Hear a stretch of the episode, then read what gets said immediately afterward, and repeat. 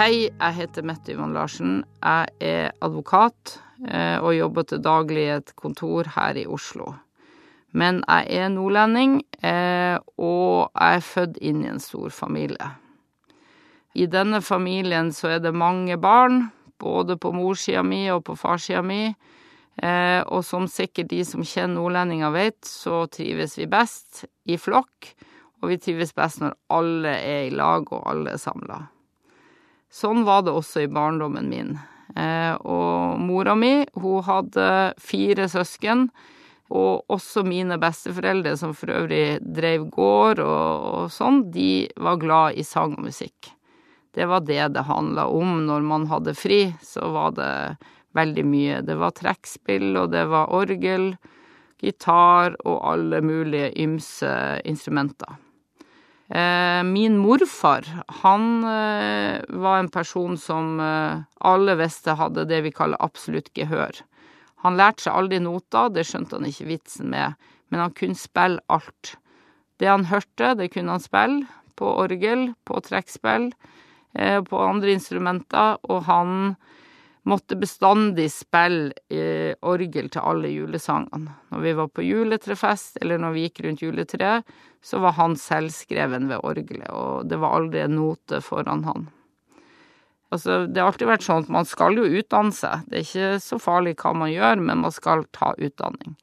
Så tror jeg at um, hadde jeg kommet hjem og sagt at jeg skulle gjøre et eller annet innenfor musikk, så hadde jeg fått veldig mange gode ord Eh, og fått beskjed om at det, det er bra. Eh, fordi det handla mye om å være utøvende musiker eller å undervise i musikk. Det var i hvert fall veldig fint å drive med. Så da jeg kom hjem og sa at jeg skulle studere juss, så var det litt sånn merkelig. Det syns familien, tror jeg. De tenkte sånn ja ja, det blir vel folk av henne likevel, tror jeg de tenkte. Jeg tror det var både fremmed og rart for dem. Jeg tror de, de syntes det var konservativt, og jeg tror til og med noen syntes det var litt upassende, og at jeg skulle reise til hovedstaden og holde på med sånt. Eh, men eh, jeg fikk jo lyst til å bli eh, jurist. Jeg fikk lyst til å studere juss både for å være litt sånn i opposisjon. Jeg har alltid likt å være i opposisjon også til det som er fint og bra, og det som alle er enig i, og og også til alt det de andre mener. Jeg, jeg liker å være bestemt sjøl, da. Eh, og jeg syns at det med juss var litt spennende, det med regler. Eh, og det er ikke så lite makt heller i det eh, jusspråket. Og det å ha makt òg, det syns jeg virka litt spennende. Men det som var bra, da, tilbake til familien og musikken, det var for så vidt det at ingen la noe press på meg når jeg begynte med det studiet. Det var sånn gikk det bra, så gikk det bra. Det var fint. Gikk det ikke bra, så var det også helt greit. Det var ikke noen som pressa meg i noen retning. Og når jeg tenker på dagens jusstudenter, som har et sånn press fra alle kanter og karakterer og sånn, så tenker jeg uff, det syns jeg er synd i. Jeg trengte ikke jeg, jeg, jeg opplevde aldri det. Selv om jeg av og til kunne tenke når det faktisk gikk veldig bra noen ganger, så kunne jeg jo tenkt meg litt mer applaus. Men, men. Var, de var litt sånn ja ja, hvis uh, du klarer det, vel, så er vi fornøyd. Um, tilbake til musikk. Den første låten jeg husker ordentlig at noen sang for meg, bortsett fra de der typiske godnattsangene og Kjære Gud, jeg har det godt og sånn, sånn som mormora mi sang, Eh, men den første ordentlige låten, det var uh, en Sven Ingvars-låt. 'Lilla søta frøken Freken' heter den. Eh, det var onkelen min, bror til min mor, som gikk rundt og sang den, og han spilte jo den også på kassett. Og det er klart, det med kassetter var jo noe helt fascinerende. Det her var jo på 60-tallet, jeg tror det var i 67. Da var jeg fire år. Eh, og jeg husker at han i tillegg til å spille den sangen, så gikk han og tralla og sang den også til meg. Jeg oppfatta i hvert fall klart at det var til meg, og at det var meg det handla om. Og at jeg var den lille, søte frøken Freken, det var jeg helt overbevist om. Det tok jeg faktisk som en selvfølge. I ettertid så har jeg jo tenkt at um, det er kanskje det det handler om å være barn. Det er at du plasserer deg sjøl i sentrum, og at andre plasserer deg i sentrum. Og, og jeg har nok bestandig følt at veldig mange var glad i meg, og det er en ganske sånn god følelse. Som jeg sa eh, i stad, så var det sånn at mange i familien spilte instrumenter av ymse slag. Eh, det var alt mulig, og det var viktig å spille et instrument. Men jeg fikk aldri noe særlig dreis på det. Jeg prøvde meg på gitar. Min mor sendte meg på gitarkurs. Jeg husker at jeg var såpass lita da at jeg ikke klarte å bære gitaren til kurset. Og jeg tror ikke jeg egentlig klarte å holde helt rundt eh, der man skal ta grep, sånn at jeg klarte aldri å få noe dreis på gitaren. Så begynte jeg med trombone.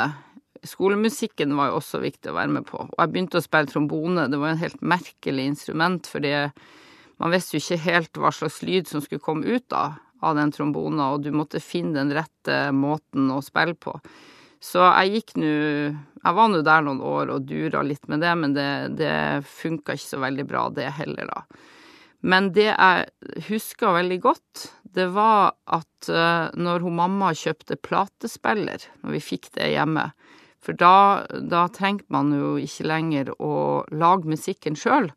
Da kunne vi jo begynne å spille vinylplate. LP-plate. Det var veldig Veldig flott, veldig spennende og veldig rart at det kom musikk ut av de der svarte, runde skivene. Og jeg husker at eh, den platespilleren var jo litt sånn skummel og ganske fin, for man var jo veldig redd for å gjøre noe feil når man skulle bruke den platespilleren. Hun mamma hun var veldig glad i countrymusikk. Det var det det handla om. Alt mulig. Jeg husker jo alle disse countryartistene fortsatt en dag i dag. Eh, det var jo Merle Haggard og Johnny Cash og Roger Whittaker. Jeg tror ikke han kanskje var countryartist, men han var nå med på laget. Det jeg tror at jeg lenge oppfatta, var at countrymusikk, det var det LP-plate handla om. Jeg, så, jeg hadde ikke så mye peiling på noe annet enn det, så det var det vi holdt på med. Hva jeg husker best fra den der countrytida med med, med min mor i, i, i førersetet, så er det Buck Owens. Og dessuten så er det en låt som heter Act Naturally. Og den eh, får jeg i dag veldig gode minner av, og glade minner av å, å høre på. Det som var litt sånn spesielt, det var at hun mamma var veldig sånn glad i å, å svinge seg eh, på stuegulvet når, når hun satt på musikk. Og jeg syns hun bestandig hadde ganske ukoordinerte dansetrinn. Altså hun Det var liksom Jeg tenkte sånn Det der var vel ikke akkurat helt i takt med musikken, men hun ser jo veldig fornøyd ut. Så da tenkte jeg ja, ja. Eh, så det, det er sånne gode minner at hun prøver å svinge litt på kroppen på en måte som ikke passa inn, men som var en veldig sånn fin eh, ting likevel, da. En annen viktig ting som jeg vil fortelle, det er at uh, mange i familien min var nokså radikal. Um, og det både ble jeg sjøl, og det er jeg fortsatt. Jeg tror at det er mange grunner til det. For det første så vokste jeg opp i en vanlig familie med gårdbrukerbakgrunn og arbeiderklassebakgrunn som uh, gjorde det naturlig å holde seg, holde seg der. Eh, men det som tror jeg var viktigst for meg, var jo at eh, alle lærerne på Svolvær videregående skole, de, de preika jo politikk i timene. Det var, det var jo før den der eh, regelen kom om at man ikke skulle påvirke elever. Og på Svolvær videregående skole, der var det AKP-ML som hadde sin tyngste Altså, det var en bastion for AKP-ML. Så lærerne der, de misjonerte rått, både i timene og i friminuttene. Og de delte ut løpesedler, og det var ingen eh, Ingen hadde hemninger for det. Jeg tror at rektor faktisk var høyremann, men jeg tror han bare tenkte sånn ja, ja, ja, dette får vi ikke gjort noe med. Og politiske diskusjoner i, i, i timen og i friminutt, det var helt vanlig. Det var ikke noe sånn Altså, det, det dreiv man med. Det var faktisk i Svolvær, der jeg vokste opp, på 70-tallet, så var det ikke greit å være uinteressert i politikk. Det, det, det tåltes ikke. Og det var Jeg husker vi hadde én i klassen som var Unge Høyre. Han hadde jo utrolig mye jobb med å prøve å overbevise oss andre, men han, han sto på. Og vi respekterte han fordi han faktisk hadde noen meninger. I dag så tenker at mange går rundt i samfunnet hele livet uten å ha noe mening om noe som helst, og det, sånn var det ikke da. Så du kunne være Unge Høyre til nød hvis du kunne bite fra deg. Men, men, jeg hadde personlig ingen sånn erfaring med at folk eh, stemte blått eller var konservativ. De som var rundt meg, hadde stort sett en helt annen eh, holdning. Jeg husker en gang jeg kom hjem til noen eh, som Jeg skulle selge lodd, faktisk, for håndballaget, og så husker jeg så godt at de hadde et sånn et sånn klistremerke på døra hvor det sto 'Stem på Høyre, det er et godt parti' Jeg tenkte sånn i alle dager, hva er det her slags folk, tenkte jeg. Men eh, ja. Så eh, er det en annen ting som var viktig akkurat for det med politikk og engasjement. Det var at eh, Jack Berntsen, som jo sikkert mange vet om, og som var en trubadur som har skrevet mange flotte viser og, og var en viktig person i Nord-Norge, han var jo tilfeldigvis min klasseforstander i tre år på videregående. Og når jeg tenker tilbake på den tida der, så tenker jeg at um, jeg tror ikke jeg lærte så mye av han uh, når det gjaldt norsk og historie. Det var de fagene vi hadde. Altså i norsk så var det jo det her med at Jens Bjørneboe var den beste forfatteren, og 'Haiene' var den aller beste boka som noen gang var utgitt, og det, det tror jeg Det kan jeg på mange måter være enig med han i. Det var det jeg kan huske fra norsktimene. Eh, men historietimene, der hadde vi der Jeg kan ikke verken geografi og historie noe særlig. Og jeg skal ikke skylde på han fordi han ga så utrolig mye annet. Han hadde med seg gitar i alle timene. Det var helt naturlig. Det, det var ikke noen som stussa på det. Og han spilla på gitaren i alle timene. Og vi sang, eh, og han eh, lagde jo sjøl sanger, og han prøvde de ut på oss, og vi kosa oss med det. Og han var jo også en radikal mann, så han eh, kom med politiske budskap, både sånn eh, det han sa, men også gjennom sangene sine. Og jeg tror nok at da han første gang spilla Hammaren Edvard til oss, så skjønte jeg egentlig at politikk er jo ganske enkelt. Det handler jo egentlig om solidaritet og hva slags liv man faktisk eh, skal leve, og hva slags samfunn vi skal ha. Fortsatt så tenker jeg at den sangen der, den bidro til å åpne øynene mine for hva politikk handler om, og hvorfor man faktisk bør være, ha en radikal holdning, eh, politisk holdning. Jeg ble jo etter hvert konfirmert, jeg òg, da, og fikk jo stereoanlegg, og jeg begynte å kjøpe egne kassetter, jeg begynte å kjøpe LP-plater. Eh, og hvis vi oppholder oss litt med det med kassetter, da, som jo var en litt sånn artig ting, så husker jeg faktisk veldig godt den første kassetten jeg kjøpte. Det var eh, det danske bandet Gasoline. Jeg husker enda hvordan coveret så ut, og jeg syntes det var veldig flott, og jeg hadde spart penger, og det var ikke sånn man hadde råd til å gjøre hele tida, det der, da. Men eh, så husker jeg at jeg eh, hørte på han Kim Larsen, han er jo en litt sånn råtass. Eh, jeg syns han var ganske skummel og ganske fascinerende på en gang. Og han har jo den derre låten Hva gjør vi nå, lille du? Jeg var alltid bestandig interessert i å høre på tekstene. Hva er det det egentlig synges om her? Eh, og den er jo litt sånn spesiell, den låten. For det handler jo om en person som eh, ja, på mange måter eh, har hatt veldig mye motgang. Eh, og han velger sin egen vei, og han fikser livet likevel. Og det var hele tida en sånn oppfordring i sangen til å stå på, fiks livet ditt, og få det til selv om du kanskje ikke er født inn med alle gode utgangspunkt, så klarer du det likevel. Og jeg tenkte sånn, ja, bra. Bra tankegang. Så den spilte jeg jo òg veldig mye. Jeg syns jo han Jeg syns det var flott å høre på. Jeg var jo sjøl en veldig sånn selvstendig person. Det var et eller annet med at man skulle klare seg sjøl. Selv i min familie, som jeg syns jeg hadde veldig mye støtte fra, så skulle man komme seg opp om morgenen, man skulle lage matpakke, og man skulle gjøre det man Man skulle gjøre leksene sine, og jeg kan ikke huske Jeg tror kanskje hun mamma og han pappa hjalp meg med lekser kanskje én gang. Eh, men eh, ellers var det å klare seg sjøl. Det ansvaret kunne nok av og til føles litt tungt. Litt sånn ja ja, her har du bare deg sjøl å stole på. Men eh, også ganske sånn fint, for da, da kunne jeg velge min egen vei, og ingen hadde noe de skulle si. Det var ikke, var ikke noen som kunne si 'nå har jeg gjort det og det, så nå må du levere tilbake'. Det syns jeg var Det har jeg tenkt på i ettertid, det er ganske deilig. Jeg har styrt mitt eget liv. Jeg mener også at når du vokser opp i det klimaet vi gjør, langt opp mot det kalde nord, og naturen også der i Svolvær, den var med på å forme meg veldig mye. Det er litt sånn rått, det er kaldt, det er vått, eh, og det er også ganske mørkt. Og vi gikk jo eh, i, eh, i sko halve året hvor du var våt på føttene hele dagen. Jeg har tenkt mye på det. Når jeg sjøl fikk unger, så var jeg redd for at de skulle være våte på føttene og sånn, men jeg var jo stort sett våt på føttene hele dagen. Fordi jeg hadde jo ikke nødvendigvis alltid fottøy som passa inn til at det regna på tvers og på langs hver dag i mange måneder.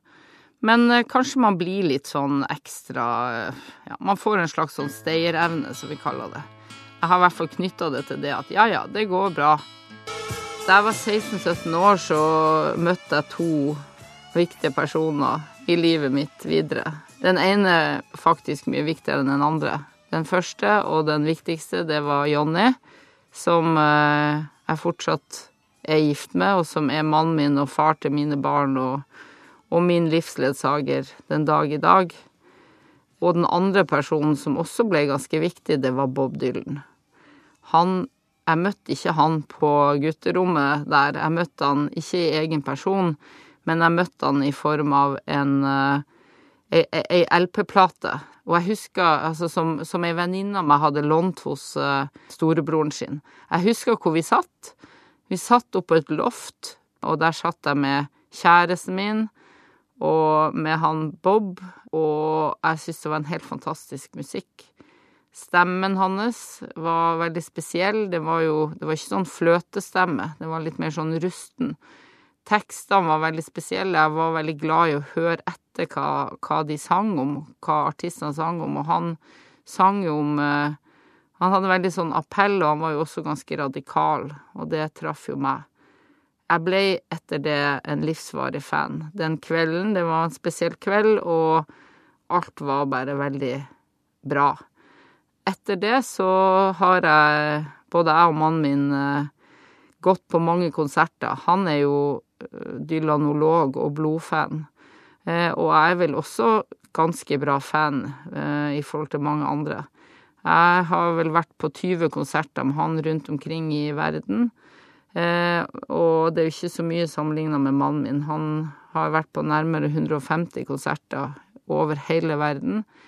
Antagelig bortsett fra i Asia, så vidt jeg kan huske, men ellers er det New York og hele Europa. Det er noen som tror at når du har vært på én Bob Dylan-konsert, så har du vært på alle. Det er helt feil. Det er helt forskjellig fra gang til gang, så de som ikke skjønner at man har lyst til å gå på nærmere 150 konserter, de har ikke skjønt Bob Dylan. Dette i hvert fall ifølge mannen min, da. Fra den kvelden der, som var en sånn spesiell kveld, så husker jeg best den låten som heter Senior. Og det er en sang dere snart skal få høre, men først skal dere få høre litt mer om eh, livet mitt og om musikk som betyr noe for meg. Jeg har jo etter hvert, eller vi da, etter hvert tre døtre, og alle er glad i og opptatt av musikk.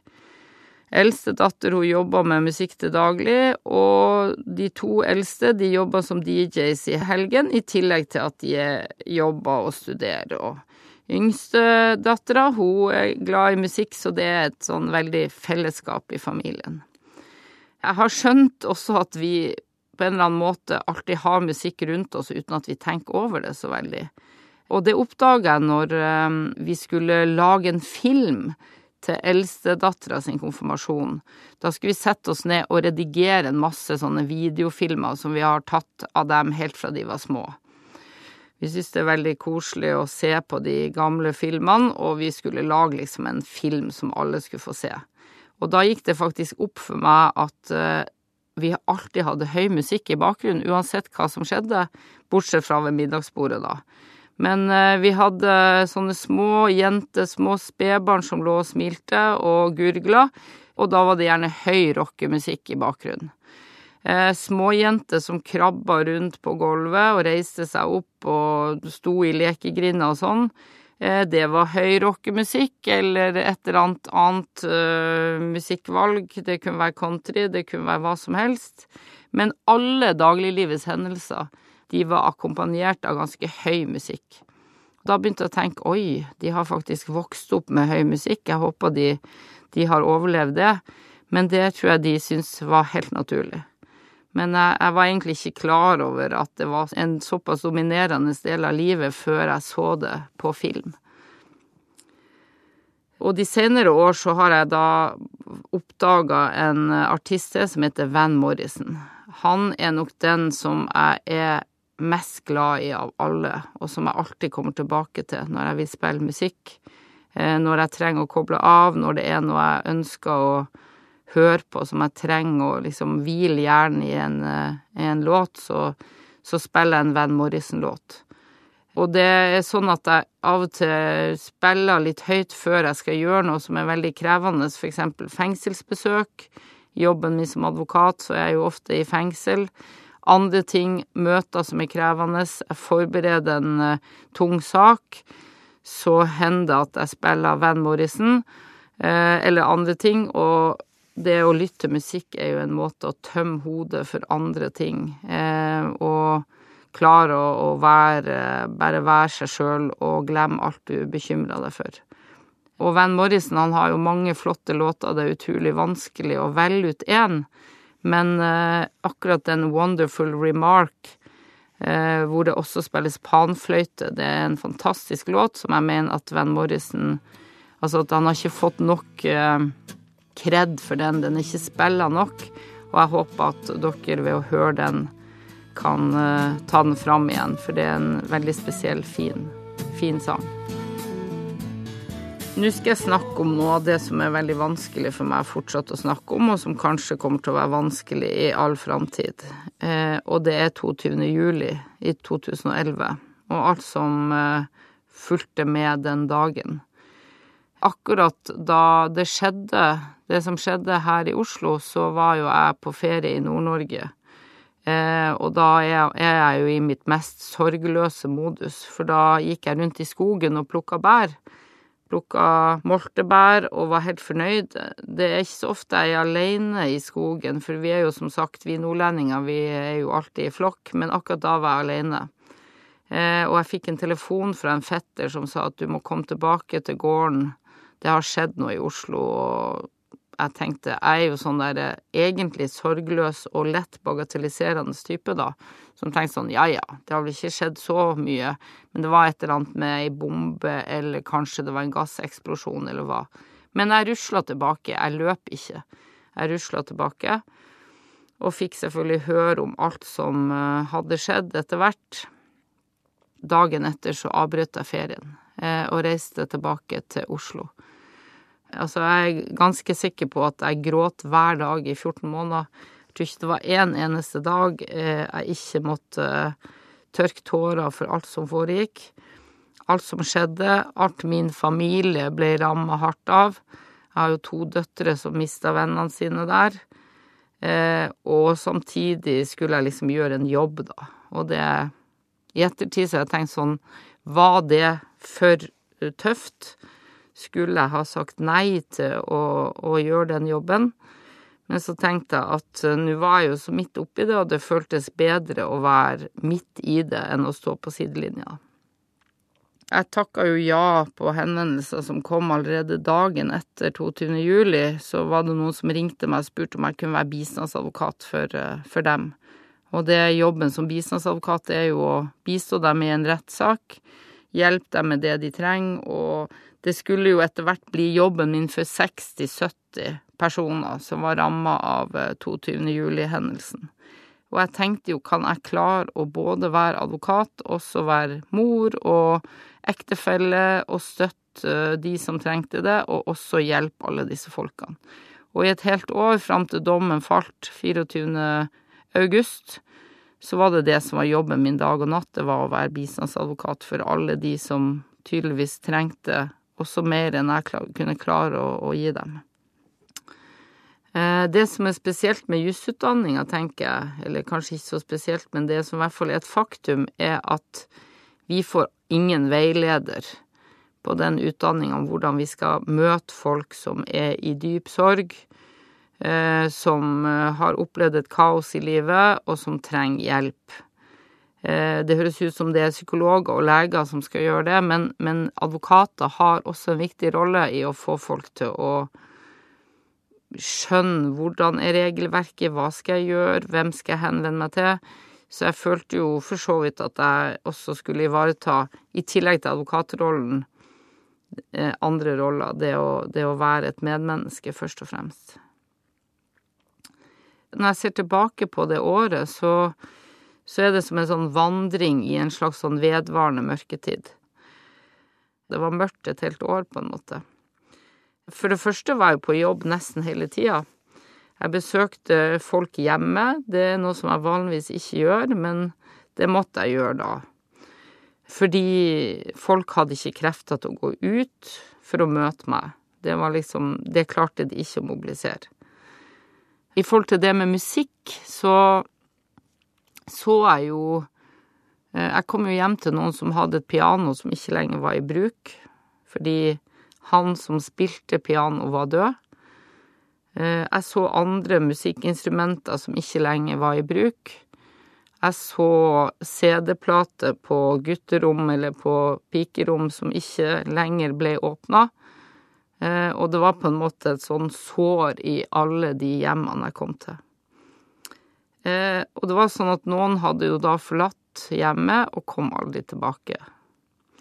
Mitt forhold til musikk i den tida der, det forandra seg veldig. Jeg klarte på en måte ikke å høre på musikk.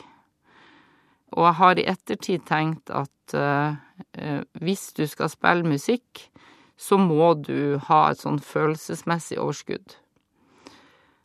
Musikk gir energi og overskudd, det har jeg jo opplevd, men du må være et sted på den skalaen for å klare å høre på det. Og det handler jo om glede og overskudd, det handler om avkobling, og for meg var det sånn at jeg ønska ikke å føle på noen av de følelsene. Jeg ville på en måte bare jobbe. Jeg ville gjøre den vandringa, og jeg ville ikke på en måte kjenne noe særlig mer, eh, mye etter på hvordan livet var.